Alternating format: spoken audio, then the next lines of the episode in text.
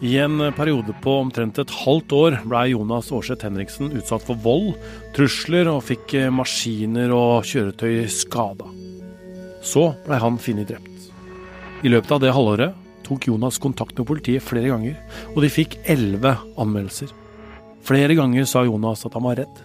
Til familien, til venner og politiet. Men 17. august var det for seint. Nå sier politiet at de er inne i en ny fase av etterforskninga. De har ett motiv på blokka, og de veit mer om hvem de tror har gjort hva. Nå ser de en sammenheng mellom hendelsene i våres og drapet i august. Og det skal vi snakke mer om i dag. Jeg heter Tor Erling Tømtrud, og dette er Krimpodden i VG.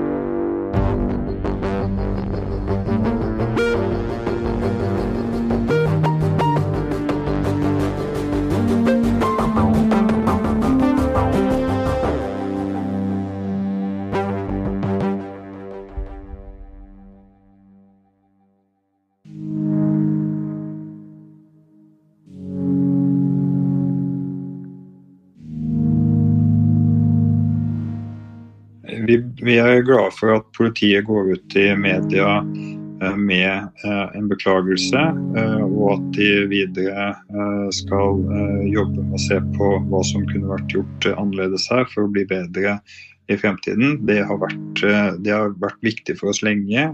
Vi har fått den unnskyldningen av de tidligere som også kommer frem, men det er, det er også viktig for at det nå kom ut i, i media.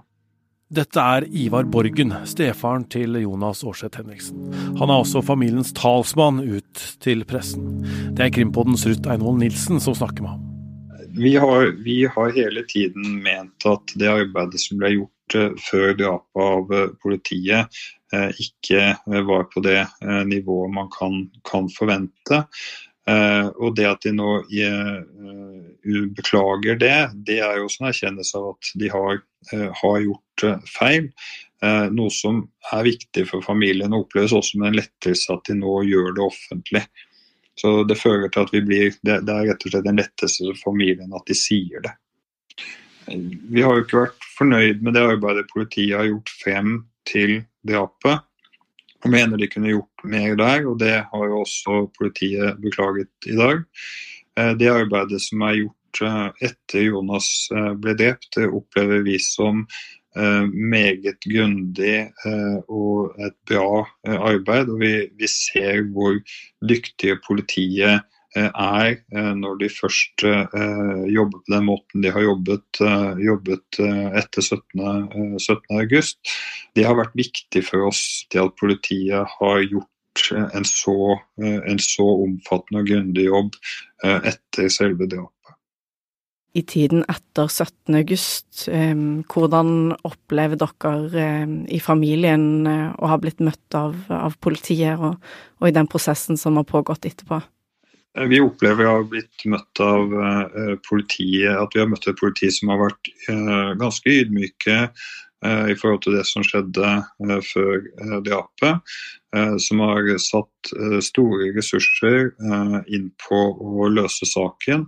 Og gjort et veldig grundig og godt, godt arbeid i den, den prosessen.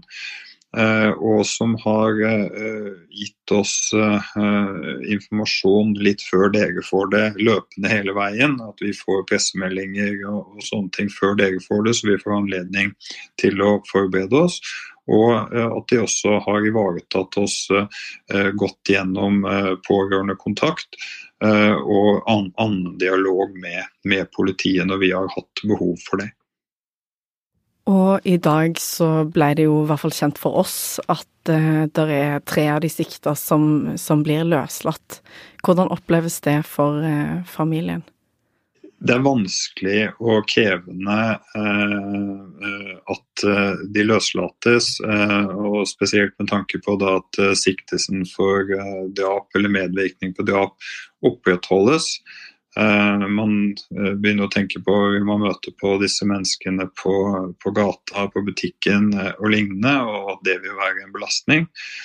Det sagt så er, så er, det norske rettssystemet sånn at det er klare regler for når man kan varetektsfengsle noen og, og, ikke. Og når politiet nå gjør det de gjør, så, så er, det en, er det en grunn til det, og det forholder vi oss til.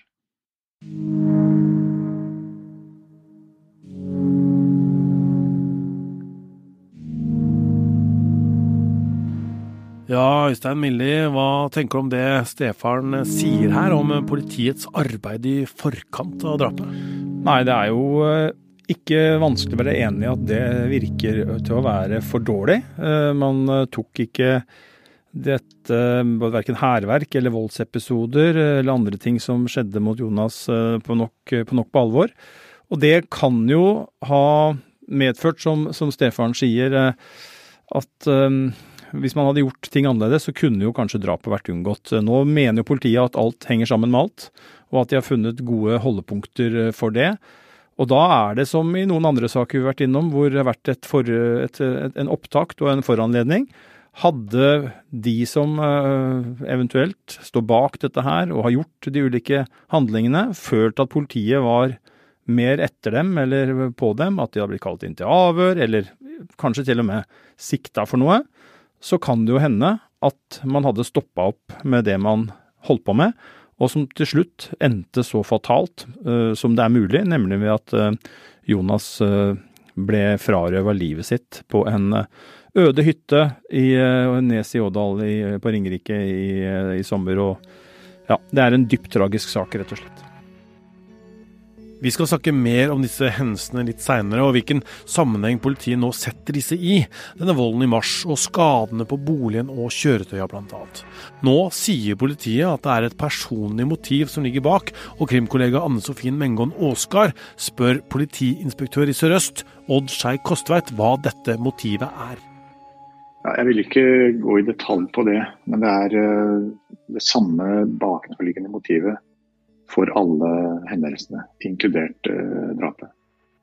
Uh, vi har etterforska en god del andre teorier eller hypoteser om hva som kunne ligge bak, hva som kunne være motiv.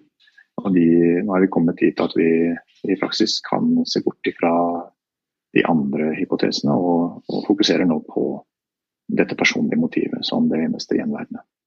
Knytter det, det, personlige motivet seg opp mot én konkret eh, siktet, eller er det et motiv som favner flere av de siktede?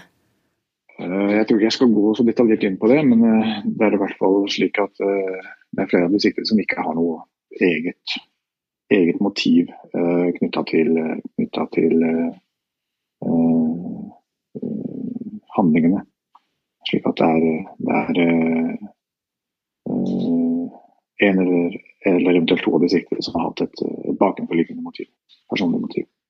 Og kan du gå inn på hvorvidt eh, dette sjalusimotivet som det har vært eh, skrevet om eh, tidligere, er en del av det personlige motivet? Det vil jeg ikke gå i detalj på. Tidligere så har dere sagt at dere undersøker sammenhengen mellom voldshendelsen og skadeverkene opp mot drapet. Men forstår jeg det rett nå at det nå er en helt klar sammenheng, at dere er sikre på det? Uh, ja, Sammenhengen jo, ligger jo i at dette er samme, samme, bakenforliggende motiv, samme, samme driv, drivkraft og samme si, oppdragsgiver bak alle, alle, disse ja, alle, disse hendelsene. Hva er grunnen til at nær sagt alle de siktede, bortsett fra 28-åringen, kommer til å bli løslatt nå? De har jo alle vært fengsla pga. bevisoppfyllelsesfare, altså fare for at de skal påvirke vitner eller fjerne bevis. Nå har vi kommet til et punkt i etterforskningen hvor vi mener at den bevisoppfyllelsesfaren er så, så, redusert at det ikke er riktig å be om fortsatt, fortsatt fengsling. Så for tre av dem så blir de løslatt, mens 28-åringen blir begjært fortsatt fengsla på et annet fengslingsgrunnlag. Ja, og hvilket fengslingsgrunnlag er det? Ja, vi mener han eh, kan, eh, at, at mistankegrunnlaget er eh, styrka, og så i så stor grad at vi, kan, vi har bedt om fortsatt fengsling etter en spesialbestemmelse som, som handler om saker hvor man har et sterkt mistankegrunnlag for et svært alvorlig forhold. Da kan man i noen tilfeller varetektsfengsles, selv om det ikke er bevisoppfyllelsesfare eller andre fengselsgrunnlag. disse siktelsene de står seg eh, uavhengig av om tre av de blir løslatt nå? Ja, etterforskningen fortsetter på, med samme styrke. Og, og, vi jobber nå med å, med å, analysere og bearbeide det materialet vi har henta inn. Og, vil også selvsagt uh, forsøke ytterligere oppfølgingsavhør av de siktede. Så siktelsene opprettholdes inntil all etterforskning er ferdig og saken er klar for påtaleavgjørelse. Kan dere si noe mer om hva som var bestillingen? Altså, det har vært skrevet at bestillingen var vold og ikke drap. Kan du bekrefte det? Nei, jeg kan ikke bekrefte noe enda, Men det er jo noe av det, vi, det som vil være tema når vi oppsummerer etterforskningen og tar en endelig, endelig vurdering. Ja, og når kommer den påtalebeslutningen eller påtalebeslutningene til å tas? Det, det er vanskelig å si, men uh, vi regner med å fortsette med aktiv etterforskning uh, i hvert fall første kvartal uh, neste år. og har et, um, fordelsplan om at saken blir oversendt til statsadvokaten før sommeren eh, neste år. Så spør Anne Sofie om hendelsene i forkant av drapet, om volden og truslene. Er det sånn at eh, dersom de sakene hadde vært etterforsket bedre og grundigere, så kunne drapet vært unngått? Ja, den evalueringen uh, gjøres uh, av politidistriktets uh, ledelse, og jeg er ikke involvert i den. Så jeg kan bare uttale meg om, om etterforskningen av drapet og den tilhørende etterforskningen av de øvrige sakene etter at drapet skjedde. Og vi, eller først og fremst Anne Sofie, da, har snakka med politiledelsen her også og spurt om hva som ligger i en beklagelse fra politiet nå. Det er påtaleleder Kjell Johan Abrahamsen i Sør-Øst politidistrikt som svarer. Vi beklager at uh, i løpet av 2023 så tok uh, Jonas uh, kontakt med oss elleve ganger og anmeldte ulike straffbare forhold. han tok kontakt med oss også noen ganger ytterligere enn det, og uttrykte frykt for egen sikkerhet og ba om hjelp. Når det nå viser seg at det er en sammenheng mellom de straffesakene og drapet, ved at to av de siktede nå knyttes til disse elleve straffbare forholdene, så har vi funnet det riktig å beklage overfor familien at de straffesakene ikke fikk den oppfølgingen som de kunne ha fått. Mm. Hva kunne dere gjort annerledes i etterforskningen av eh, de sakene som da gjaldt skadeverk og vold? Det er, det, det, er, alltid en komplisert øvelse å forutse fremtiden. og Vi blir eh, ofte kontakta eh, og får ulike straffbare forhold. og Det å predikere og se når det har et større farepotensial er en vanskelig øvelse. Men det er nettopp derfor vi nå ønsker å ha en total saksgjennomgang. Gå gjennom alle de straffesakene som lå forut for dette, eh, og også øvrig informasjon for å se om det er noen læringspunkter og noe vi kan lære ut av det. Vi vet jo f.eks. at uh, disse sakene ble anmeldt på ulike steder i, i politidistriktet. De ble etterforska uh, av ulikt personell, men det var kontakt mellom etterforsker, etterforskerne, og de så at det var sammenhenger. Men spørsmålet er jo hvorvidt vi i tilstrekkelig grad så dette i en stor sammenheng, og om det burde ha gitt en høyere prioritet. Fordi det siste der er jo nettopp et spørsmål for, um, for, ledelsen, for det å prioritere er et ledelsesspørsmål. og Det er derfor jeg også, som påtaleleder i Sør-Øst politidistrikt, har funnet det riktig å beklage overfor familien. Mm. For selv om politiet blir kontaktet av mange personer som trenger politiets hjelp, så er det likevel en uh, betydelig Altså elleve ganger, det er ganske mange ganger. Uh, og hvis det er enda flere ganger òg, at man oppsøker politiet og ber om hjelp og, og uttrykker bekymring for egen sikkerhet. Ja, og vi beklager jo at ikke vi makta å forhindre en eskalering, eh, som vi nå ettertid vet eh, endte med et drap. Så jeg kan ikke annet enn å si meg enig i at eh, det er eh, elleve ganger er et betydelig antall. Vil du si at politiet gjorde en for dårlig jobb her? Det er nettopp derfor vi ønsker å ha en saksgjennomgang, for å se det. Fordi det, det vi ser er jo at disse sakene hver for seg eh, ikke nødvendigvis burde ha fått høyere prioritet. De, de ligger sånn sett der hvor de eh, burde ha vært etterforska. Og så er, altså er, det nettopp det der med å se sammenhenger, og det å evne å plukke ut noen saker som vi ser har et større farepotensial enn andre. Det det, det, det, er jo der vi ønsker å gå inn og se om vi kan lære noe. Så, så jeg, jeg, vil liksom ikke kaste noen terning over det arbeidet vi gjorde. Nå skal vi ha en saksgjennomgang, og så får vi, får vi forsøke etter beste evne å lære, lære av det. Med utgangspunkt i at eh, dere i dag kan si at eh, det er det samme motivet og oppdragsgiver som ligger bak alle episodene, også drapet. Eh, betyr det at drapet kunne vært unngått? Det veit vi ikke. det syns jeg det er veldig vanskelig å si noe om. Det drapsetterforskninga forteller, det er jo at disse sakene var det vanskelig å komme til, til bunns i. Altså det å avdekke at det var en sammenheng her, det krevde betydelig etterforskning. Hvorvidt vi hadde kunnet iverksette en etterforskning som hadde brakt oss til bunns der, det, det, det, er nok høyst uklart. Det får en evaluering vise. Men, men, så er jo spørsmålet også hvorvidt en, et, et, et, større fokus uh, kunne ha uh, påvirka hendelsesforløpet. Det, det, blir, det, blir, egentlig bare å spekulere. Får, nå får vi ta en ordentlig saksgjennomgang og så se hva det gir oss av svar. Men med utgangspunkt at det har vært samme oppdragsgiver, og man hadde klart å komme fram til hvem det var, i hvert fall, da, eh, i de elleve andre tilfellene, ville ikke det da forhindre drapet? Men det er det som er eh, holdt jeg på å si, det, det kompliserte her. fordi Det som brakte oss til bunns og, og ga oss de svarene i de elleve sakene du påpeker, er en drapsetterforskning. En drapsetterforskning er enormt omfattende. Det er ikke noe vi kan iverksette i, i normale saker. Så akkurat hva som hadde vært, som hadde, eh, vært påkrevet for å komme til bunns i dette, det, det, det, det, får vi se hva en evaluering forteller oss, men, eh, men jeg skal ikke konkludere her og nå på det. Mm. Du har vært litt inne på det, men hvilken lærdom er det politiet tar av eh, denne saken eh, for fremtidige saker? Nei, det vi er opptatt av, eh, det er å se om vi i noe større grad kan bli flinke til å predikere når vi har å gjøre med saker med stor farepotensial. Det, det er en fryktelig vanskelig øvelse. Men, men, det er det ene punktet. Det andre punktet er eh, hvilke systemgrep må vi, eller kan vi foreta oss med tanke på å se ting i en større sammenheng. Uh, og det et tredje, tredje moment her er jo selvfølgelig også hvilke sikringstiltak uh, som kan være aktuelle i, i denne type saker. Så Sånn I stort så dreier det seg egentlig om en sånn systemisk tilnærming til det, for å se om det er noe vi som politidistrikt, også på ledelsesnivå, kan lære eh, av den saken her.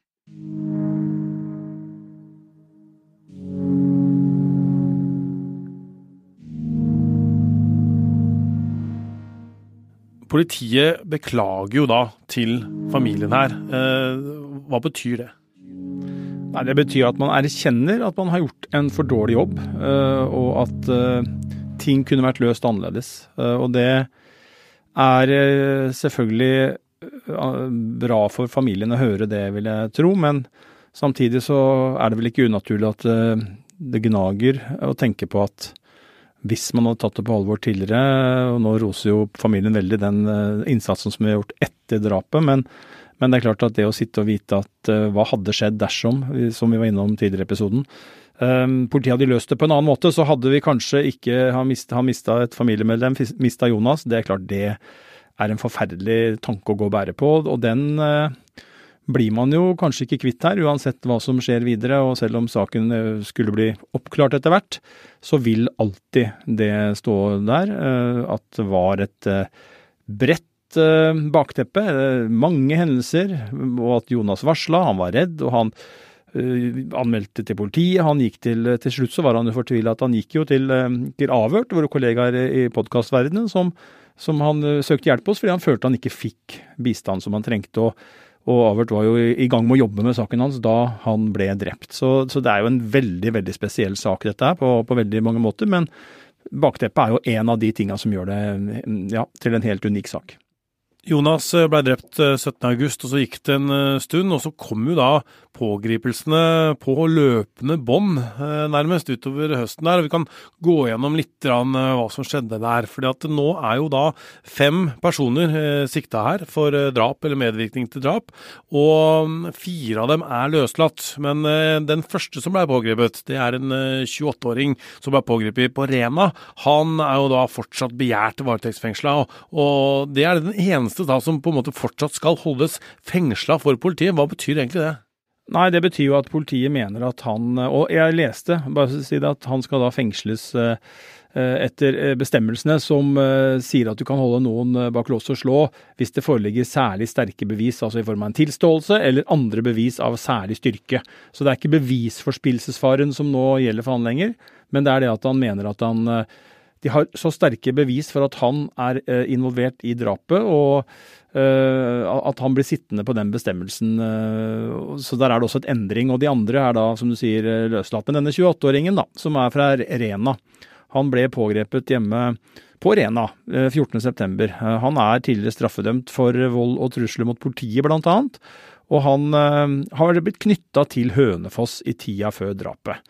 Han nekter straffskyld, og så har han eh, valgt en strategi som han eh, kan, eh, kan velge, og, og det er å ikke forklare seg for politiet. Så han er taus, og der står saken hans per nå. Mm. Og så var jo da eh, neste som ble pågrepet, var jo i Elverum. Der var det en eh, 30-åring som ble pågrepet, og det er jo han som da kobles sammen med den første pågrepne i tida før eh, drapet. De har vært på en tur i Hønefoss og ble jo da eh, omtalt, vi har gjort det her òg, som Knoll og Tott, disse to. Eh, han nekter også straffskyld, eh, men er også tidligere straffedømt, og har jo da på en måte vært fengsla ja, fram til han ble løslatt. Ja, han har jo forklart seg eh, om en tur til Hønefoss eh, før drapet, men han nekter straffskyld og har så vidt vi vet ikke sagt noe om at denne turen eh, til Hønefoss handla om da noe som skulle skje eller eh, skjedde med, med Jonas. og er som sagt da en fyr som ble pågrepet hjemme på Elverum 20.9. Og, og tidligere straffedømt ja, trusler og et tyveri av et våpenskap, eh, f.eks. Og det var jo da, som vi snakka om eh, tidligere i episoder også, det var på Rena og Elverum, og det er ikke nødvendigvis så veldig nærme Hønefoss. så Det er jo et annet fylke, og det er liksom en, en, en stykke unna, da. Eh, og så kommer jo pågripelsene som, som, da knytter seg nærmere Hønefoss, og flere som da har eh, bodd eller bor eh, i området der. Den første er jo da en som bor eh, i Hønefoss-området der, en mann i 30-åra, som eh, også da knyttes til en av disse taggeepisodene. Det skal vi snakke litt mer om. Altså, det blei jo tagga rundt omkring i Hønefoss sentrum og litt utafor der. Eh, Tyster-Jonas sto det på den taggen der. Han nekter også straffskyld. Og så er det jo en 32-åring som ble pågrepet på en, ved en bensinstasjon på Noresund, som politiet mener da på en måte har en rolle i, i å bestille noe, eller ha et motiv, eller på en måte noe eh, bak her. Han er også løslatt nå. Det er han, og han er jo tidligere dømt for vold og trusler mot en kvinne. Og så er det han som uh, politiet knytter til denne kvinnen som vi har hatt en sak om i VG, som har solgt et våpen og har vært i retten for, for det, en tilståelsesdom. Um, og som, som, da denne mannen knyttes til, og, og, og da et våpen. Så, så, her er det jo mange personer, mange hendelser. Og nå er vi ikke engang ferdig med gjennomgangen vår, men vi hører jo nå at det er mange forskjellige personer. Det er forgreininger ut. Vi vet at det er elleve anmeldte forhold. Øh, forskjellige hendelser. Så dette er jo en veldig sånn omfattende sak øh, som det har vært vanskelig å få kontroll over og som politiet kommer til å jobbe for fullt med inn i det nye året, selv om man nå, som vi begynte episoden med, løslater noen av dem. Og vi har jo da en Jevnaker-mann her også i miksen, som ble pågrepet hjemme på kvelden 2. oktober i en planlagt politiaksjon. Han beskrives som en bekjent av Jonas Aarseth Henriksen. Denne mannen er straffedømt flere ganger, bl.a. for vold og, og trusler, frihetsberøvelse, i forbindelse med en innkreving av en påstått narkogjeld på 40 000 kroner, og også han nekter straffskyld. Uh, Alle her nekter jo straffskyld med å ha, for å ha noe med drap å gjøre. Det gjør de, og så vil det jo være som vi har snakka om før, og det spørsmålet står ubesvart inntil videre, og så får vi se nå om det kommer uh, etter hvert for en dag. men det er jo fortsatt et ubesvart, eller flere ubesvarte spørsmål knytta til hva som skjedde på hytta. Uh, hvorfor skulle Jonas dit. Det kan se ut som at noen av dem har lurt han dit. Det har vært innom denne spanjolen som ble misbrukt identiteten til. Og at man så for seg å konfrontere eller angripe han. Men det er jo ikke sikkert at det var planen å drepe. Det har vi vært innom før, og det står seg foreløpig. Så får vi se hva konklusjonen blir. Men det er jo ting som tyder på at man kan argumentere med at det, at det ikke, at ikke det ser ut til å være meningen. Og vi vet jo nå også at Jonas ble skutt mens han var ved hytta, og at han kom seg inn i en bil og kjørte av gårde og døde underveis. Så her er det ubesvarte spørsmål som politiet og etterforskningen nå, på å si, om ikke det allerede er avdekka og avklart, og det bare ikke er kommunisert ut, så må det jobbes videre med sånn at man får de svarene på de helt sentrale spørsmålene før det eventuelt skal opp i retten. I dag er det tirsdag, og det kom også en ny siktelse i denne saken her, som ikke knytter seg til drapet, men til tagginga. Det er en, en ny person som er eh, sikta av politiet. Han befinner seg ikke i landet, men politiet da har etterlyst ham, og VG har jo prøvd å få tak i ham i dag også, har ikke tatt eh, telefonen der. Men da er det på en måte taggeepisoden som ikke knytter seg til drapet. Det blir ganske mye å, å holde styr på. Ja, det er, det er som vi var inne om. Altså det er det er en sak med mange involverte. Det er en sak med Hvis vi tar med de der ja, som er i randsonen, så er vi oppe i sju. Det er jo fem da i hovedsaken, og så er det en kvinnen med dette våpenet. Og så er det da den syvende, for å telle på den måten, som nå er knytta til denne tagginga. Og så har vi da elleve forskjellige hendelser. Eh, så det er klart at her er det mange ting. Eh, og det blir en sak nå som blir eh, like spennende å følge i fortsettelsen. Politiet, klarer man å oppklare denne saken? Blir det domfellelse mot alle, eller først og fremst tiltale mot alle? Nå sier politiet at denne etterforskningen kommer til å pågå inn mot sommeren. Og så er det jo eh, tips og eh, ja, tegn til at det kan kanskje da bli en rettssak i løpet av høsten. Og da vil mye være avklart. Da må man for det første ta stilling til hvem av de eh, som skal tiltales for hva, og, og, og, om alle skal tiltales. Og så blir det jo opp til retten, som har vært innom mange mange ganger, å vurdere den saken. Og så blir det helt sikkert en ankesak for en eller flere også, så det er jo langt fram til et endelig svar her. Men, men er, man har nådd en milepæl nå, sånn som politiet ser det i hvert fall. Så har, har de gjort det når de løslater en del. og og åpner opp om litt sånn tidsforløp på hvor man står og hva man har fått avklart og hvordan ting ligger an. Og De åpner også opp og er ganske klare om at de tror at det ligger ett motiv bak alt. Altså bak voldshendelsen tidligere på våren, eh, bak skader på bolig og på diverse kjøretøy, og denne tagginga også, da. Det er på en måte samme motivet bak det, sier politiet, som, som drapet. Hva tenker du om det?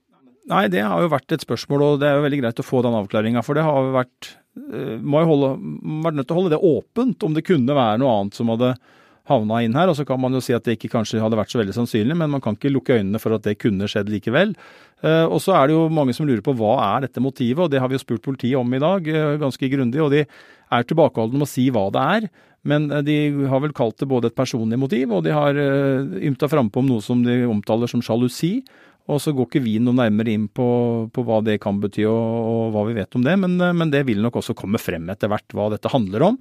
Eh, det viktige nå er at eh, inn mot jul så har politiet beklaga til familien, eh, og det ser ut som om man har fått landa en god del ting i denne helt spesielle saken.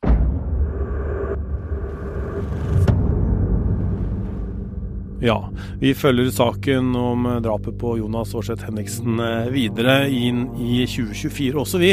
Send oss gjerne spørsmål på krimpodden at vg.no, eller sjekk oss på Facebook eller på Instagram. Denne episoden er laga av eh, produsent Ruth Einhold Nilsen. Krimpodden består også av Hanna Espevik og Vilde Våren. Øystein Milli hørte du var med, og jeg heter Tor Erling Tømt Ruud. Emilie Hall Torp er vår eh, nyhetssjef.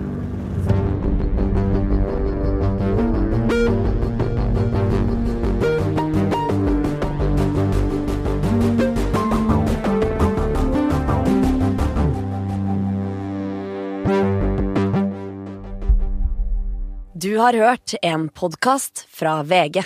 Ansvarlig redaktør, Gard Steiro.